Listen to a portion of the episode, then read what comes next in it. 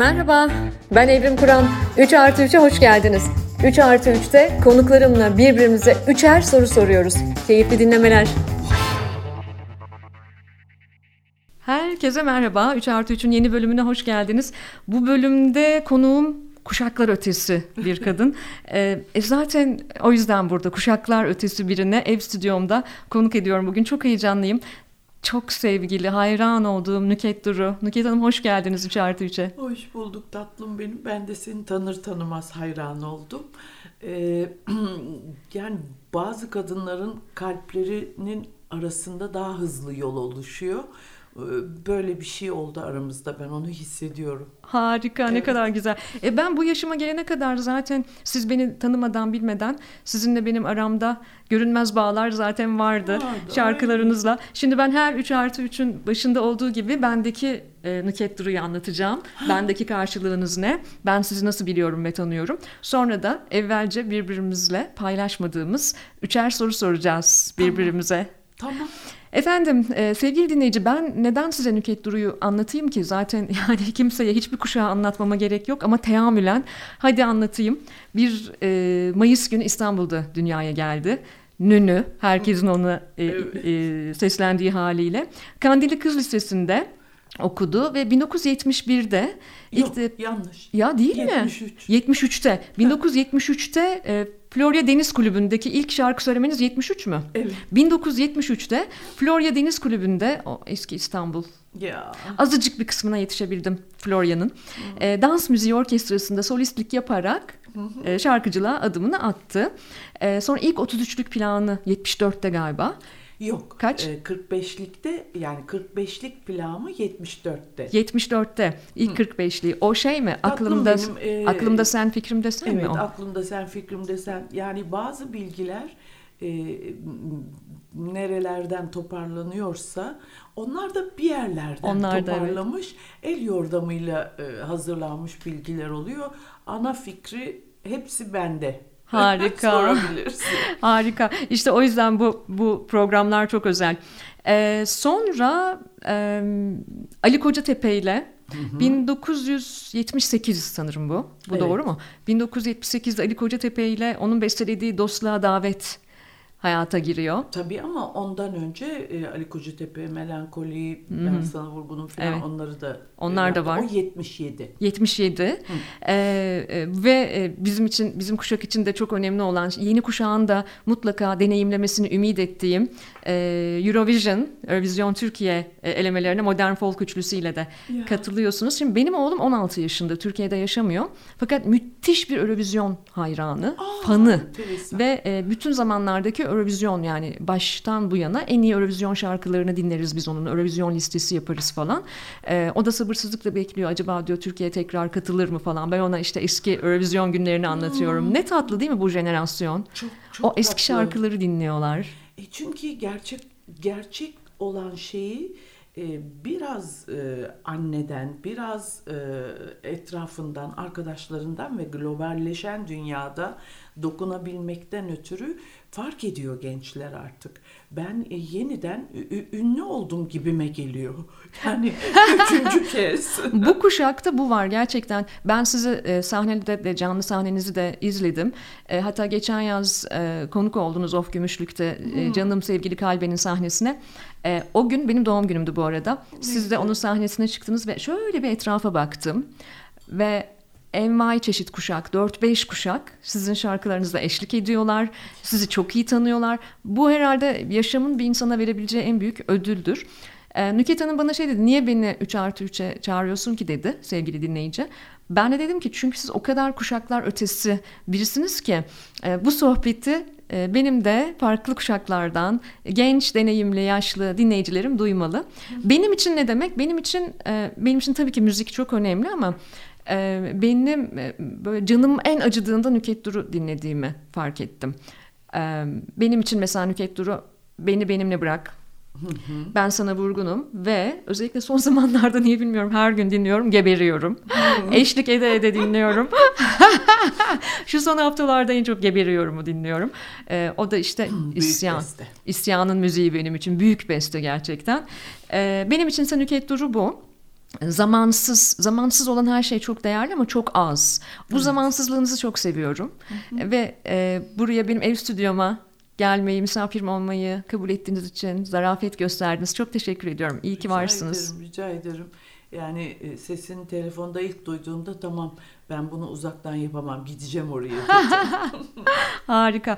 Ve e, ilk sorum geliyor. Hazır mısınız? Efendim e, ilk sorum son Kahven dönemde... çok güzel. Onu da sevgili dinleyici bilesin. Güzel bir 40 yıl hatırı olacak kahve içiyorum. Harika. Çok teşekkür ederim. Çok zarifsiniz.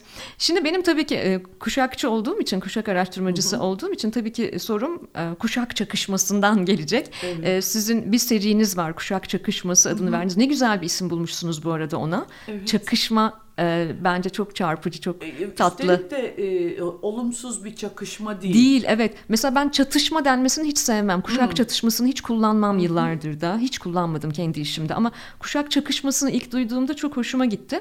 E, bu serinin ilk ürünü olarak uzunları coverladınız. Evet. E, şeyi çok merak ediyorum. E, biraz sohbet etme fırsatım da oldu sizinle yayından önce ama genç şarkıcıları nasıl buluyorsunuz? Sizin jenerasyonunuzla karşılaştırdığınızda sizi şaşırtan farklılıklar var mı? Genç müzisyenleri nasıl buluyorsunuz? Şimdi tabii biz e, e, yokluklarla mücadele eden jenerasyonlardık. Yani işte dört kanallı stüdyoda onu bölüştürüp bölüştürüp sekiz kanallı yapmaya çalışırdık. Canlı kaydedilirdi. Delikanlılık tam olarak cepteydi. E, genç şarkıcıların iyi olanlarını tabii ki kucaklıyorum. E, iyi olmayanlarını da istemiyorum.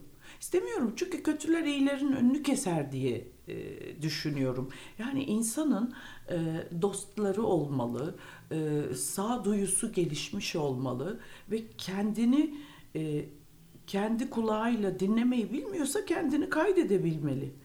Artık her türlü alet var. Beğeniyorsa tamam ama beğenmiyorsa e bırak başkası söylesin. Herkes söylesin ayrı ama bunu profesyonel bir meslek olarak edinmelerine üzülüyorum. Çünkü neden? Şarkı söylemek e, çok farklı şeyleri beraberinde gerektiriyor. O nedir? Atlet gibi e, nefesinize sahip olacaksınız.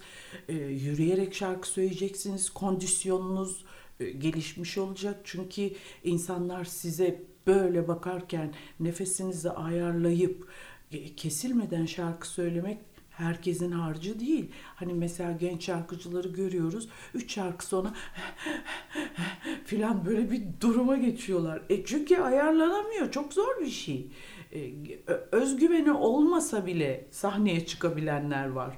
E, orada belki o özgüveni kazanırım diye çıkıyordur düşüncesinde oluyorum. Ben mesela çok utangaç bir insanım. Hiç kimse bu söylediğime inanmadı bugüne kadar. Ama öyleyim. Yani sahnede benim takip ışığım yoksa, etraf karanlıkta ben bir yuvarlağın içinde değilsem göz göze geldiğimde kalıyorum. Ay ne düşünüyor acaba? Ağzını okumaya başlıyorum. Acaba beğendi mi? Yoksa sıkıldı mı? İlgi alanında mıyım, değil miyim? Buralara gidiyorum. Çok garip şeyler bunlar ama bunlar için e, gelişmiş bir e, ruh terbiyesi, ses terbiyesi ve sahne terbiyesi gerekiyor. Ona dikkat ediyorum Nüket Hanım. Sizin jenerasyon da e, bence az sayıda insan e, bu kadar kalıcı olabildi ama şunu görüyorum çok uzun saatler sahnede kalabiliyorsunuz. Hı-hı. Çok uzun saatler ve bu elbette bir fiziki performans da gerektiriyor. Yeni jenerasyonda ise bunu daha az gözlemleyebiliyorum. Şimdi anladım neden böyle olduğunu. Tabii e, bir de e, biz e, gazino, gece kulübü o kadar çok çalıştık ki şimdiki gençlerin böyle bir şansı yok. Kendi aralarında jam session yapmazlarsa, hmm. kendi aralarında girip bir prova stüdyosunda çalışmazlarsa kendilerini deneme şansları da çok az. Nihayet yeniden canlı müzik ortamları e, başladı da e, biraz biraz o, o problem halloluyor. Ama bunun dışında bizimki çok başkaydı e, o şimdiki canlı müzik ortamlarında işte ımtıs ımtıs ımtıs bu da var. E, insanlar aynı anda konuşuyor, aynı anda dans ediyor, aynı anda orada da biri şarkı söylüyor. Konsantrasyon çok sağlam değil. Ben 8.30-9'da sahneyi açan kız olarak sahneye çıktığımda herkes kafasını çevirip bakardı ve orası dolu olurdu. Hani geliyor inşallah insanlar filan gibi değil. E, sosyolojik yapı farklıydı, hı hı. kazanç farklıydı. E, bütün aileler akşam dışarıda yemek yemeyi çok severdi ve buna nakitleri de yeterdi. Tabii ki o zaman da uçurumlar vardı. Ama çok büyük kitle orta sınıf ve üst sınıf diye adlandırılan kazanç olarak orta sınıf bu, bunun altından kalkardı. Şimdi orta sınıf da kalmadı tabii. Bu yüzden e, parayı bulan, harçlığı yakalayan gençler gidiyorlar orada işte sosyalleş, sosyalleşiyorlar. E, o sırada da orada tatlı bir müzik varsa o da kendi başına bir challenge içinde yürüyor.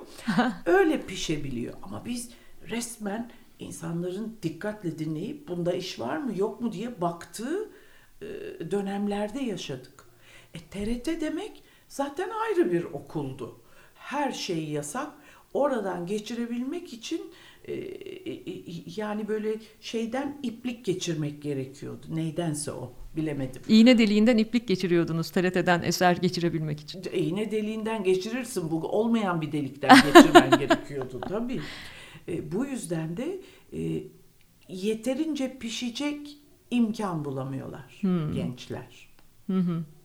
Galiba kalıcılığı da ödenen bedeller ve işin zorluğu e, sağlıyor değil mi? O belirliyor. Yılmazlık o yüzden çok önemli. Ya yılmazlığımızın yılmaz sanatçılar, yılmaz insanlar olmak için de düşmemiz lazım ve tek başımıza kalkmış, kalkma deneyimini yaşamamız lazım. Hani çocuklar için de konuşuyorduk ya sizinle yayından önce. ee, evlatlar için de geçerli bu. Tabii. Yaşadıkları tabii. deneyimler. Tabii. Onları pes etmeyeceğini bilmesi evet. lazım. Evet. Yani bize bir hayat bahşedildiyse, dünyaya geldikse ben e, bu kadar yıldır yani yeniden gelmem yaklaştı. Çok korkuyorum yeni bir diş çıkaracağım diye. Ama e, e, o kadar e, şey ki yani e, o hayatı her günü, her anıyla dolu yaşamak gerektiğini öğrendim. Yani benim boş günüm olamaz. Ee, bazen oğlum bana diyor ki lütfen bugün de evde otur diyor. Ha tamam evde oturursam o zaman bütün çekmeceleri indiririm diyorum. Yani o evde oturup dinlenme fikrini bir türlü öğrenemedim. Bu neye neye karşılık oluyor onu da bilmiyorum ama yani bana göre bu işi bitirip öbür işe başladığımda bu işin yorgunluğundan arınıyorum, dinleniyorum. Ben öyle biliyorum bunu. Böyle zımba gibi olmanızın sebebi de demek ki bu. E, evet yuvarlanan taşıyorsun tutmuyor. Sevgili dinleyen e, görseniz şu anda karşımda oturan Nüket Duru'yu. O kadar yaşsız ki ve o kadar güzel ve o kadar alımlı ki e, zımba gibi demek istedim o yüzden. Canım benim. Ve e, soru sırası şimdi sizde. Soru sırası bende. Şimdi sen e, hayattaki e, en önemli amacının e, ne olduğunu merak ettim. Bu kadar entelektüel, bu kadar derin ve bu kadar da e, Türkiye'nin bu Cumhuriyet'in 100. yılında böyle genç bir kadının bu kadar şahane olmasını neye borçlusun? Ailene mi? Kendi duyarlılığına mı? E, hayattaki yerini seçmeye mi? Çünkü insan e, çocukken seçiyor ne olmak istediğini. Yani çok merak ettim çünkü çok e, özelsin. E, sağ ol bana CV'ni gönderdin. Gerçek bir akademisyen e, CV'si o. E, bir genç Türk Cumhuriyet kadını olarak nasıl bunu yakaladın? Böyle olman gerektiğini nasıl bildin? Çok teşekkür ederim. Çok zarifsiniz. Ee, evet, e, umarım gencimdir hala ruhen de. 47 yaşındayım. Ee, ruh gençliği çok önemli. Ee, galiba şöyle, ilkokulda öğrendiğimiz bir bilgi var. Hangi babanız zengin olsun olmasın ilkokulda bize öğretilen bir hayat bilgisi var. Ve bence bu en değerli hayat bilgisi. O da şu. Sana yapılmasını istemediğini başkasına yapma. Şahane. Şimdi buradan yola çıkarak ben e, bana yapılmasını istediğimi insanlara yapmaya çalıştım. Hmm. E, yaşamak istediğim toplumu, yaşamak istediğim ülkeyi, yaşamak istediğim dünyayı inşa etmekte bir payım olsun çok istedim. Ve bunu yaparken de benim bir akıl hocam yoktu, bir mentorum yoktu. 70'li yıllarda Ankara'da doğmuş e, bir memur e, ailenin çocuğuyum ben. Ve e, bana iyi bir eğitim aldırmaktan başka yapabilecekleri bir yatırım yoktu ama dünyada Türkiye'de böyle değildi. Yani benim bir akıl hocam benim bir elimden tutup hadi çocuğum bak böyle böyle fırsatlar var diyecek kimse de yoktu. Ama evet, galiba ama Ankara çok önemli. Ama galiba Ankara evet. O çok enteresan. Şimdi benim babam Taşra'da çalışıyor Nüket Hanım. Yıllarca işte 20 Hı-hı. yıl falan. Babam e, ilk öğretim müfettişi ve e, küçük kentlerde çalışıyor. İşte Anadolu'nun çeşitli kentlerinde çalışıyor. Annem de öğretmen. Annem de babamın peşinden hiç gitmiyor. Ankara'da çok mütevazı bir evde yaşıyoruz ve hiç gitmiyor.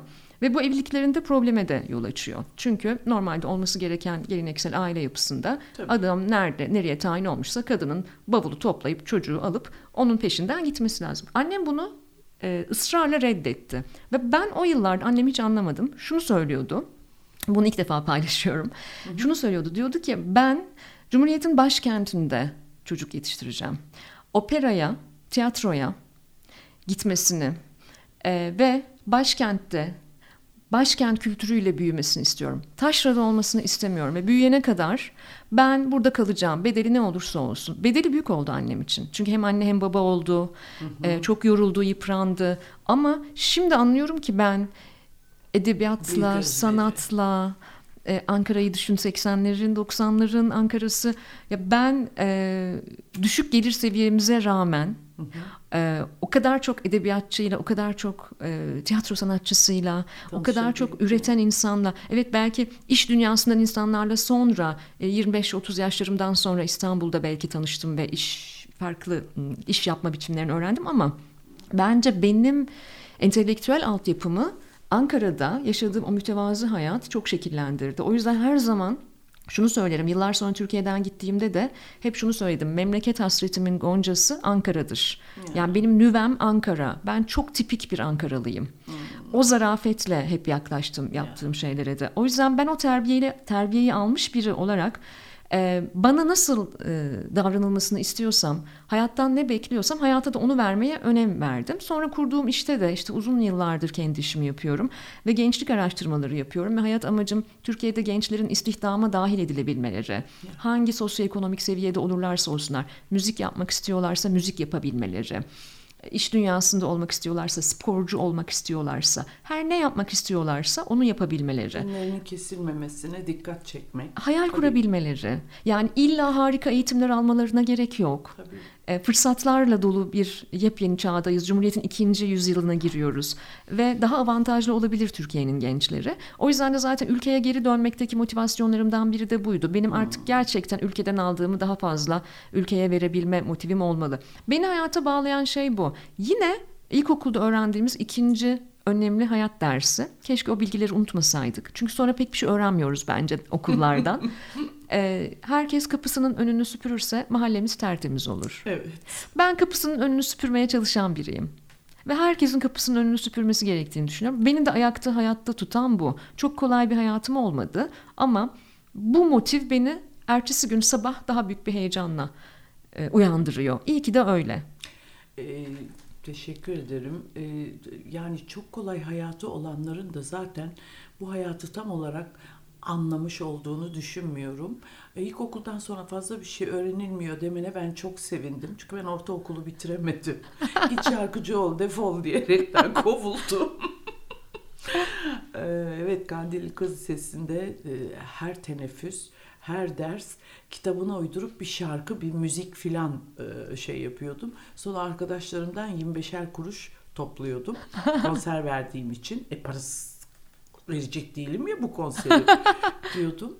Ondan sonra e, sevindi böyle dediğine çünkü ondan sonra e, tahsilimi eksik bırakmak zorunda kaldığım için e, uzun yıllar çok e, şey yapıyordum yani üzüntü yaşıyordum.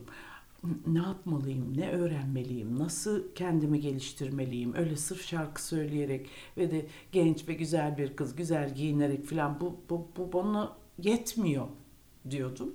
Çok şükür ben de e, kendimi geliştirmenin çeşitli yollarını e, daha şanslı olarak mentorlarla, hı hı. E, dost ablalar, dost abilerle ve tabii annemin de okumaya düşkün bir kadın olması sebebiyle e, o, okuldan çıktığım o tıngır tıngır halimde kalmadım. Yani hayatla ilgili bilgilerde. E, bu yüzden de e, keyfim yerinde ya. Ben öyle boş kalmadım. Çünkü düşünsene yani e, boş kalabilirsin ve boş insanlarla ahbap olmayı seçersin. İki tencerenin, boş tencerenin birbirine vurduğunu düşün. Ay ne korkunç. Bayağı gürültü. kuru gürültü. Bayağı, yani, e, bayağı yani. kaotik Evet. bir ortam ve e, şununla ilgiliyim. Şimdi özellikle son yıllarda, son 20 yılda artık meslekler, akademik bilgiler o kadar hızlı değişiyor ki.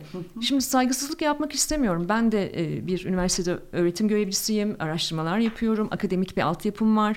Ama hayatı öğrendiğimiz yer e, okul öncesi ve ilkokul. Tabii. Yani temel öğretimin çok önemli olduğunu düşünüyorum. Ve tabii ki sokakta Sokağı çok önemsiyorum. Tabii ki sokakta, ailede ve temel öğretimde karşımıza çıkan insanlarla. Sonra meslek öğrenmeye başlıyoruz. Hı hı. Ve o öğrendiğimiz mesleklerle ilgili teknikler de 2-3 yılda bir zaten ciddi şekilde değişiyor. O yüzden genellikle şuna bakıyorum. Beni diploma etkilemez. Kendi şirketimde istihdam sağlarken de çok bilindik bir şeydir. Şu okuldan, şu bölümden mezun insanla sadece çalışırım falan gibi bir durumum yok. Oğlum da önümüzdeki sene artık üniversite kararını verecek. Ha bana gelip şey derse anne ben meslek okulunda okumaya karar verdim. Ben 4 yıllık üniversitede okumayacağım veya ben ki benim oğlum da daha çok e, film endüstrisiyle ilgili yani film Ay, endüstrisinde çalışmak istiyor. Ve bu konuda gerçekten inanılmaz geliştiriyor kendini. Çağ da buna izin veriyor zaten. Tabii. Yani çok donanımlı, çok çok e, video editingler falan yapmaya başladı falan. Şimdi derse ki ben bunu e, işte e, üniversite yolunu tercih etmeden ben bu yolda terbiye olacağım. Ben hiçbir şekilde itiraz etmem. Çünkü şuna inanıyorum. Hayat cahili olmak daha fena bir şey. Ben çok diplomalı hayat cahilleri gördüm. Aa. Ama ne diplomalar, ama ne Aa. diplomalar. Duvarlarına diplomalar asan insanların ne kadar çok hayat cahili olabildiklerini de gördüm. O yüzden bunun kriteri bu değil. Hayat cahili olmamak insanları okumakla da ilgili. Her baktığından bir şey öğrenmek. Elbette. Bu çok kıymetli bir Öğrenmeye şey. Öğrenmeye çalıştığın an zaten kesin öğreniyorsun. Yani o niye öyle yapmış, nasıl yapmış. Yani bir filmden bile evet. bazen hayatınla ilgili e, bir e, motivasyon bulup farklı karar alabiliyorsun. Yeter ki ona o gözle bak. Zaten sizi bence e, bu yaşantıda bu kadar diri tutan şey de siz çok iştahlı bir kadınsınız. Yani e, öğrenme merakınız ve iştahınız çok kuvvetli. Evet. Yani çağ, devir, teknoloji değiştikçe siz onun gerisinde hiç kalmadınız. İşte pandemide siz Instagram'dan canlı yayınlar yaptınız. Ee, yani bugün bir sürü e, yeni nesil, yeni jenerasyon e, sanatçı size eşlik ediyor. Birlikte üretimleriniz oluyor. Çağı çok yakalamaya çalışıyorsunuz. Bu da insanı merak etmekten, ben oldum dememekten, her zaman bu hayatın öğrencisi olmaktan geçiyor. O yüzden... E, ben size ikinci sorumu biraz da buradan sormak istiyorum. Ee, şimdi şu çok enteresan bir şey. Cumhuriyet'in ikinci yüzyılına girdik. 2023 benim yıllardır beklediğim bir yıldı. Neden bilmiyorum hayatımızda neler olacak ama ah 2023 nasıl bir yıl olacak falan. Ee, sizin de meslek hayatınızın 50. yılı muazzam bir şey bu. Evet. Allah hepimize göstersin meslek hayatımızın Amin. 50. yılında hala e, aktif dinamik böyle üretebilmeyi. Ben size bu geri dönüp bu 50 yıla baktığınızda hı hı. iyi ki yaşamışım dediğiniz bir başarısızlık hikayenizi sormak istiyorum. Ya ben şunu başaramadım ama hı. bundan çok şey öğrendim. Hı. Ah, ben onu şöyle e, yorumlamak istiyorum Evrim.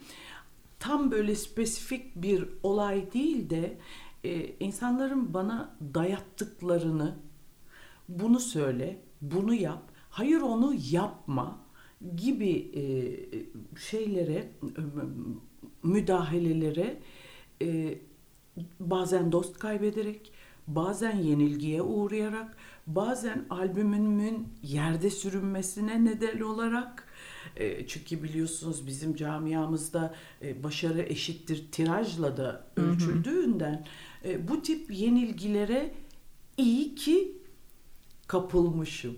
İyi ki e, doğru e, olduğuma kendi kendime karar verebilmişim. Neden dersen e, insanlar hep bana şey diyordu. Sesin çok iyi, işte her şeyin çok iyi, her tarzı söyleyebiliyorsun. Şunu söyle de doğru dürüst bir şey yapalım. Yani bir hit çıkaralım ortaya. E, o hitleri benden hariç söyleyenler vardı. 6 ay sonra o şarkıların modası geçebiliyordu. Hatta bir sene sonra kimse hatırlamıyordu. Ben 50 yıldır beni benimle bırakın söylüyorum ve aynı yerinde 50. yılda hala aynı alkış patlıyor. Şimdi affedersiniz sizin ticaretiniz mi? Benim bulgum mu? Bulduğum yol mu? Ee, bu yüzden bugün bunun yeniden moda olmanın ve de e, bunun galibiyetinin primlerini topluyorum. Gençlerle buluşmam bu yüzden. Çünkü keşfettiler. Ya bu abla bayağı iyi şarkı söylemiş ve iyi şarkılar bulmuş. Herkes ben sana hayran, sen bana tırman falan derken durup dururken sosyal konularla ilgili şarkılar bulmuş söylemiş. Veya moral veren veya hep ucu umuda açık olan şarkılar. Mesela ben e, benim hayatımda çok şükür ki beni terk etme, sensiz yaşayamam, gittin mi mahvoldum, ben de yerde yok böyle bir şarkı. Olamaz da. Bir de mesela şey derler bana, ah o şarkıları yeniden best of yapsanız işte bu benim cin atına binmeme neden oluyor. ya yapmışım ya, bunu niye best of? Siz teknik sebeplerden söylüyorsunuz. E artık teknik sebep sorunu da yok. İstediğin zaman giriyorsun ve buluyorsun o eski şarkıları. Ben aynı duyguyla nasıl söyleyeyim onu? Onu söylerken 18 yaşındayım. Tuhaf tuhaf hayaller kurmaktayım. Şimdi öyle söyleyemem. Şimdi başka türlü söylerim. Şimdi bu yaşadığım hayatın yorumunu içine katabilirim. Benim için hep yarın önemli oldu. Bugünü bile pek takılmadım. Arşivim yoktur. Plaklarım evde bulunmaz. Resmim yoktur. Hep başkalarında. Çünkü ben ilgili değilim. Doğru dürüst albümüm yok annemin albümünün haricinde. Ciddi misiniz? Vallahi. Yani dikiz aynasına bakarak yaşamıyorsunuz bu hayat. Kesinlikle. İleri hep. Evet. Vay canına. Çok iyi. Çok etkilendim bundan. Canım benim. bu çok önemli bir içgörü benim için. Çok önemli bir öğreti. Yani e, şey de düşünebilirdim. Ben çok klasiyim ve çok acayibim ve çok müthişim e, deyip dinozorculuk oynamayı da seçebilirdim. Yani ama ben hep günün içinde olayım. Ne yaptılar şimdi? Ne oldu? O, o orada o tuşların e, şeyine basınca bilmem nereye de giriliyor mu? Bunları merak ediyorum. Yani evet meraklı bir insanım, evet. iştahlı bir İştahlı insan. ve meraklı bir insansınız ve demek ki zerre kibrinizin olmaması, çok kibirsiz bir kadınsınız siz. Sanat hmm. dünyasının e, buna çok aşina olduğuna ihtimal vermiyorum. Kibirsiz olmak demek ki dikiz aynasına bakmamakla alakalı bir şey. Böyle bir çözümlemeye gidiyorum. Evet çok üzülüyorum bazı e, arkadaşlarım, bazı tanıdıklarım hatta vazgeçip gidenler. E, kendi şöhretlerinin altında paspas olurlardı. Benim umurum değil. Bazen böyle biri gelip sarılıyor, öpüyor.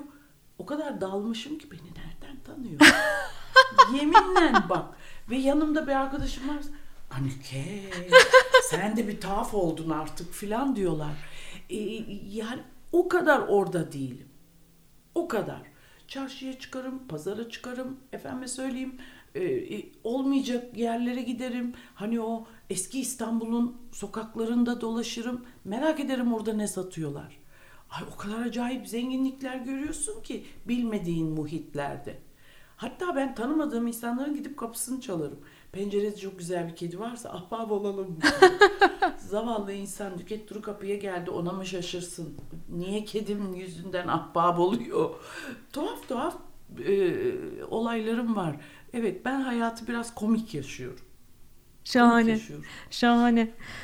Ve e, ikinci soru sırası sizden Nüket Hanım. Hmm.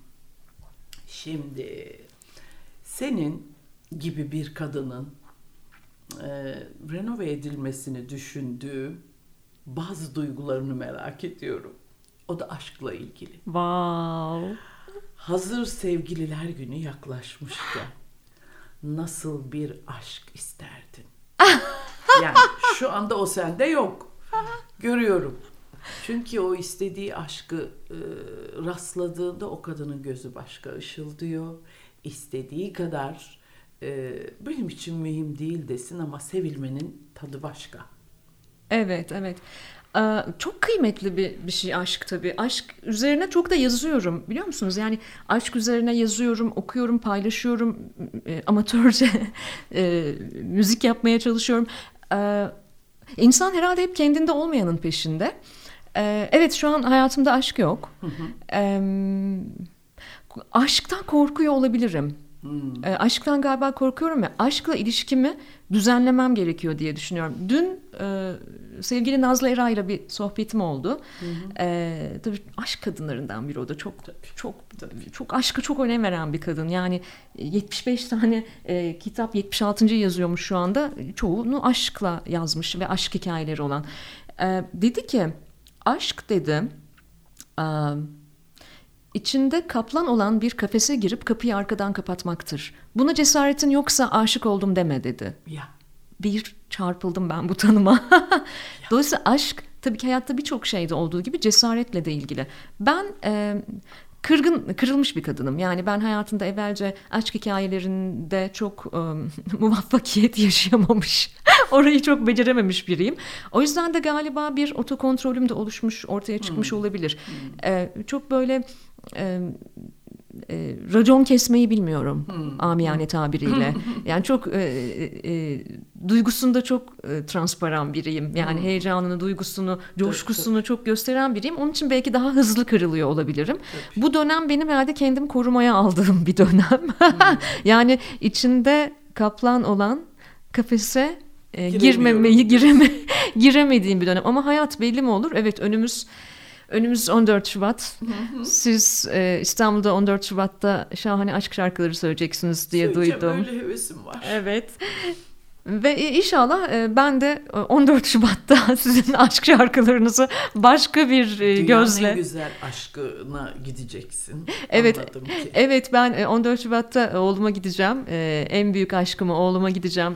Toronto'da oğlumla olacağım ama güzel bir şey Nüket Hanım olsun hayatımızda bizi bizi hayata bağlayan bir şey. Aşk ki ben ağaca, kediye, kuşa, toprağa her şeye aşkla bakan biriyim. E, tasavvuf çalışıyorum. E, dolayısıyla o, o, e, inanç sistemim gereği de aşkı çok önemseyen biriyim. E, ama hani karşı cinse olan aşkın sürdürülebilir olduğu e, ve beni beslediği e, bir örneği şu anda yaşamıyorum. Evet. Ee, yani o da zaten çok gerekmiyor. Biraz önce e, beklediğim cümleyi kurdun. Yani aşkı ille de e, karşı cinse yaşamak zorunda değilsin. Bir kitaba da aşık olabiliyorsun. Ne bileyim evde sevdiğin bir objeye de her gördüğünde sevgiyle bakabiliyorsun. Ben de e, biraz önce söylediğin gibi kediydi, kuştu, köpekti, yılanım olan, e, kertenkelesiyle konuşabilen, çekirgelerle muhabbet edebilen e, bir insanım. Çünkü onlara aşk duyabiliyorum. Yani baktığım zaman bir çiçeğe Allah'ım bunu nasıl yarattın? Yani bu nereden çıktı diyorum. Yani onu açarken o goncası, evdeki çiçeğin benim onunla olan ilişkimden dolayı bir fışkırması var. Ben bunu hissediyorum. Yani ona sevgi verdiğim için o yaprakların böyle bir, bir, bir kendini topladığını hissediyorum. İşte o yüzden dedim sevilmesi gereken bir kadınsın ve sevilmek çok şahane. Bak bütün bir ömrümü belki iki kişi daha fazla sever mi diye harcamışım. evet ama sonra da onlar beni çok sevdiğinde ay ne oldu ne yaptım ben gibi oluyorum. Çünkü o da benim dengemi sağlıyor. Yoksa hı hı. ay beni ne kadar çok seviyorlar. Ay çok yeganeyim, bir taneyim dersen bittin. Hiçbir adım daha öne gidemezsin. Yani yeni bir sevgi kazanmak için yeni bir şarkı bile söyleyemezsin. Bunun peşindeyim ben de. Ee, ama senin de yani gözlerinde e, gerçekten hak ettiğin sevgiyi bulduğunda böyle lehim ışıkları gibi bir şeyler çıkacağını hissediyorum. Amin. Amin. İnşallah. Amin. Amin inşallah. Vay böyle e, hayranlıkla dinliyorum şu anda sevgili dinleyen. E, bir hayır duası edercesine dinliyorum sevgili Nüket Duru'yu. Ve benim son soruma geldi sıra. Şimdi e, siz cesur bir kadınsınız. Az evvel cesaretten bahsettik. E, çünkü siz e, hayır demeyi, itiraz etmeyi, e, başkaları böyle yap derken onlarla çelişmeyi, hatta e, gerekirse dost veya sevgili kaybetmeyi de göz alacak kadar cesur bir kadınsınız ve kendini bilen, kendinin farkında olan bir kadınsınız. Ama buna rağmen kadınız ya, insanız ya, korkularımız vardır hala. Bir korkularınızı düşünmenizi istiyorum. Bu hayat deneyiminizde, e, artık mesleğinizin 50. yılında. e, benim sorum şu, korkmasaydınız şu anda ne yapardınız? Hmm. Bunu hiç düşünmedim ya. bir düşüneyim. Korkmasa. Çünkü ben kolay kolay korkmam da. Canımın her istediğinde yaptım. Olmayacak işlerde çalıştım. Yani mesela ben şarkı söylüyorum zannederken insanlar ben tekstil e, firması kurdum. Çok güzel battım. Yani görülmemiş güzellikte böyle di- dibin en dibine gittim. Ama çok mutlu oldum. Becerebildiğimi gördüm. Şöyle battım. İnanılmaz e, satış vardı. Sadece ben onların ge- gelenini gidenini doğru ayarlayan insanları bulamadım. e, dikişle nakışla çok e, alakam var. Ama korkmasaydım yeniden bir e, kadınlar için hem güzellik hem sağlık merkezi açmak isterdim ama bir kere daha batacak durumum yok. Çünkü 91 yılında yine geleneksel yüklemelerden dolayı e, eteğimde böyle e, bebekle boşanınca ben hemen şarkı söylemeye dönmeyeyim. Zaten hep derler ki artistlerin evliliği yürümez. Bana da şimdi aynı damga yapışacak. Ben bir iş kurayım, bildiğim işi kurayım deyip mayo kitaplarını bitirip yani kliniğin kitaplarını tıbbi olarak inanılmaz bilgi sahibi olup e, bir iki ortakla e, sadece kadınlara hizmet veren e, hem geçmişte hem gelecekte kadının nasıl e, zırhlarını kuşanmasını öğreten bir klinik kurdum. Tabii ben bunu yaptıktan sonra e, bu bir sektör oldu ve e, üç kapıdan birinde güzellik ve sağlık merkezi belirdi.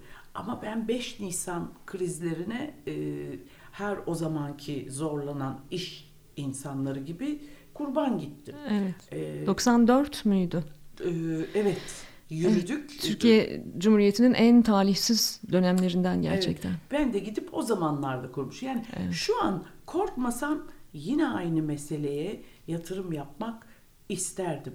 Ama genellikle korkmam. Mesela sadece param yok böyle bir şeye yatıracak. Çok büyük para yatırmıştım o zaman. Ama mesela birisi der ki sen biliyorsun bu işi nasıl yapılması gerektiğini. E, biz koyalım sen yönet. Tamam. E, hekimlerin dilinden çok rahat anlıyorum. Onlardan önce teşhis koyuyordum. Çünkü bir kadının doğum öncesi başka türlü kendini koruması gerekiyor. Hani bana soruyorlar ya niye öylesin, niye böylesin, niye değişmedin? Niye? E ben kendimi hayatın zor şartlarına karşı korumayı öğrendim. E, sağlık olarak başıma bir şey gelmezse bak ondan da korkarım. Tek korktuğum şey o. Çünkü ağır bir rahatsızlığı bu kadar ukalaca konuşurken geçirdim. E, ve o ağır rahatsızlıkta kaşım, kirpiğim, saçım filan her yerim gittiğinde ben bunu yediremedim ve kimseye çaktırmadım.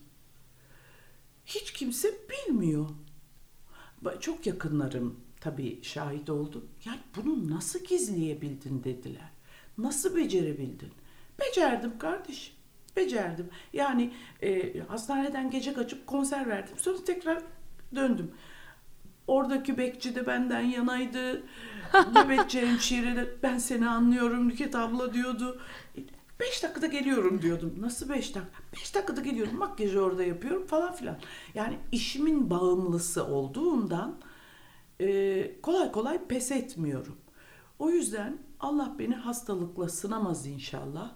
E, yaşamamı tatlı tatlı e, matrak bir yaşlı kadın olarak sona erdiririm.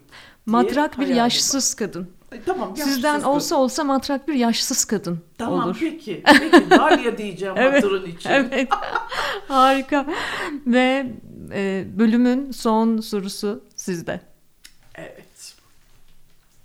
Ee, şimdi beni beklediğinden daha mı değişik buldun? Yoksa tam da buna parmak bastım mı? Dedin. Ee, bundan sonra da ben Nünü'yle görüşürüm ya. Bunun içinden geçiyor mu? Şimdi Bunu merak ettim şu Harika anda. bir soru. Çok yaratıcı bir soru gerçekten. Evet sevgili dinleyen biz evvelce Nünü ile telefonla görüştük. Ee, Ben epeydir bu planlamalarla ilgili e, organize oluyorum ekip arkadaşlarımla falan ama telefonla görüştüğümüzde ben zaten yani 40 yıldır telefonla konuşuyor gibiydim. Ee, çünkü ben e, e, sizi hayatımın çok çeşitli evrelerinde, çeşitli kentlerde, çeşitli sahnelerde izledim. Ama izlerken böyle ya sanki gerçekten hani e, teyzemin kızı, yengem veya aileden biri gibi izlediğim için hani bende böyle bir e, Yabancılık yabancılık hissi zaten hiç olmuyordu. Hmm. O da bence e, bence işte sizin o e, pürüzsüz kibirsizliğinizden kaynaklanıyor. E, kibirsiz birisiniz yani. Evet öyle. O bence e, kalpten kalbe o örülen şeyle alakalı. Sonra ben e, dediğim gibi şarkılarınızı çok dinliyorum. Bazılarını böyle bağıra bağıra söylüyorum falan. E, sonra bu bu da tabii ki bizi çok yakınlaştırıyor. Ama e, şu ana kadar epey bir bölüm çektik 3 artı 3'te. E, sayılı müzisyen geldi. E, bunlar hep benim kalben çok yakın hissettiğim ve zaten hani e, böyle kardeş kardeş sohbet edebileceğimi bildiğim insanlardı. Siz de öyleydiniz ve bugün e, evime geldiğinizde kapıyı açtığımda zaten 40 yıldır ben zaten sizinle sohbet ediyor gibiydim. Hatta sevgili dinleyen o kadar güzel bir kadın ki gelir gelmez ellerine yapıştım hemen. O kadar muazzam elleri var ki bana tüyo vermesini istedim. Bu elleri nasıl böyle yapabiliriz falan diye. Canım senin Ee, ellerin de güzel. Böyle bir el el merakım var. O kadar muazzam elleri var ki hemen ellerine yapıştım ben Nünü'nün. Ee, tam tahmin ettiğim gibisiniz. Hiçbir numarası olmayan, poz kesmeyen insanlara bayılıyorum. Ve hayatımda poz kesmeyen insanlara çok ihtiyacım var. Tabii. Çünkü e, benim içinde bulunduğum iş dünyası, hatta bir miktar işte edebiyat dünyası, işte bir miktar içinde içerik gelişimi olan üretim dünyası. Son yıllarda çok poz kesiyoruz ve deneyimimiz ve e, hayat tecrübemiz ve bilgimiz arttıkça ve özgüvenimiz arttıkça daha da fazla poz kesmeye başlıyoruz. O yüzden benim için çok önemli yaşamsal değerlerden biri tevazu, erişilebilir olmak. Bunlar çok kıymetli. Ee, sanırım e, sık sık e, Nünü'yü arayalım bakalım ne diyecek diyeceğim bundan sonra. Şahane. Yani bu, bu- bunu sormamın e, nedeni e, bana ilk zamanlar şey dediklerini duyardım. Ay bu kadar neşeli olamaz. Ne oyuncu, ne yapmacık dediklerini duyardım. Ama şimdi bu geçen zaman içinde hiç kimsenin olmadığı gibi 50 sene davranabilmesinin mümkün olmadığını Mümkün değil. çaktılar. Bunu söyleyenler bile. Mümkün değil. Bir de şu da var. Mesela sevgili dinleyici e, bugünlerde benim canım sıkkın. Ve Nünü eve geldiğinde e, ben zaten onu 50 yıldır tanıyormuşum gibi ve sanki anneme derdimi anlatırmışım gibi e, ona çıtlattım yani e, canımı sıkan şeyi. O da sanki 50 yıldır bana akıl veriyormuş gibi bana akıl verdi. Şimdi bundan daha tatlı bir şey olabilir mi? Ki ben kan kusarım kızılcık şurubu içtim derim. İnsanlarla paylaşmam pek derdimi öyle tasamı kolaylıkla ama e, gerçekten bu bana çok iyi geldi. Ben biliyorum ki bizi dinleyenlere de bu çok iyi geliyor. Bu programları bu yüzden yapıyorum. Yani sevdiğim insanlarla kalpten kalbe, e, hiç kemiksiz bu sohbetleri e, yapmaktaki amacım bizi dünyanın dört bir tarafında şu anda 72 ülkede dinleniyoruz. Bir milyondan fazla insan dinliyor. Onlara e, böyle bir hayatında mümkün olduğunu e, ve hepimizin birbirimize görünmez iplerle bağlı olduğumuzu hatırlatmak. Bu programları bu yüzden yapıyorum. Bazen şunu niye almıyorsun, bu da gelsin programına, şu da şunu da davet et dediklerinde e, bazen e, benim e, benim için çok uygun olmadığını düşündüğüm insanlar oluyor mesela. Çünkü bu bir hazır olma hali. O Evet. kişi bana veya ben o kişiye henüz hazır olmayabilirim. Ben size çok hazırdım. Ee, umarım siz de e, bugün keyif aldınız bu Aldım. sohbetimizden ve e, yayını kapatırken sizden bir şey rica edeceğim. Ee, bunu evvelce bu programa katılmış çeşitli e, müzisyen dostların bitiminde hep yaptım. Şimdi biz sizinle yayından çıktıktan sonra dinleyen sizin bir şarkınızı dinleyecek. Hangi şarkınızı 3 artı 3 dinleyenlerine armağan etmek istersiniz? O çalacak birazdan çünkü. Ha. Sen peki? Bana mı sordunuz? Hı. Benim istediğimi mi çalmak istersiniz? Evet. Evet. Yani şu bağıra bağıra söylediğim Evet. var ya. Ya bu ara o kadar çok dinliyorum ki evet ben geberiyorumla bitirmek isterim. Tamam.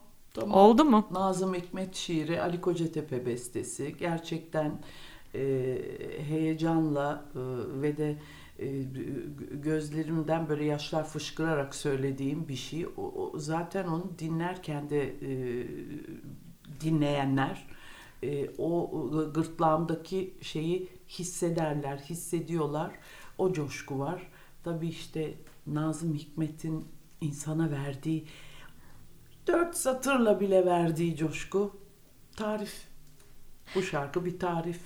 Şimdi o şarkıyla yayını kapatıyorum ama kederden gebermediğimiz bir 2023 olsun Cumhuriyet'in İnşallah. ikinci yüzyılında. Canım gebeririz sonra yine toparlarız ayrıca o kadar da dert etme ya. Her şeye hazırız. İyi Yani ki varsınız. Yok. Canım iyi ki İyi ki geldiniz, iyi varsın. ki varsınız. Canım sağ ol.